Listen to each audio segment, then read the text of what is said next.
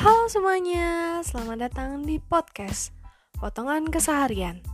Di sini aku bakal menceritakan kehidupan sehari-hari mengenai diriku, teman-temanku, atau orang yang ada di sekitarku. Selamat mendengarkan.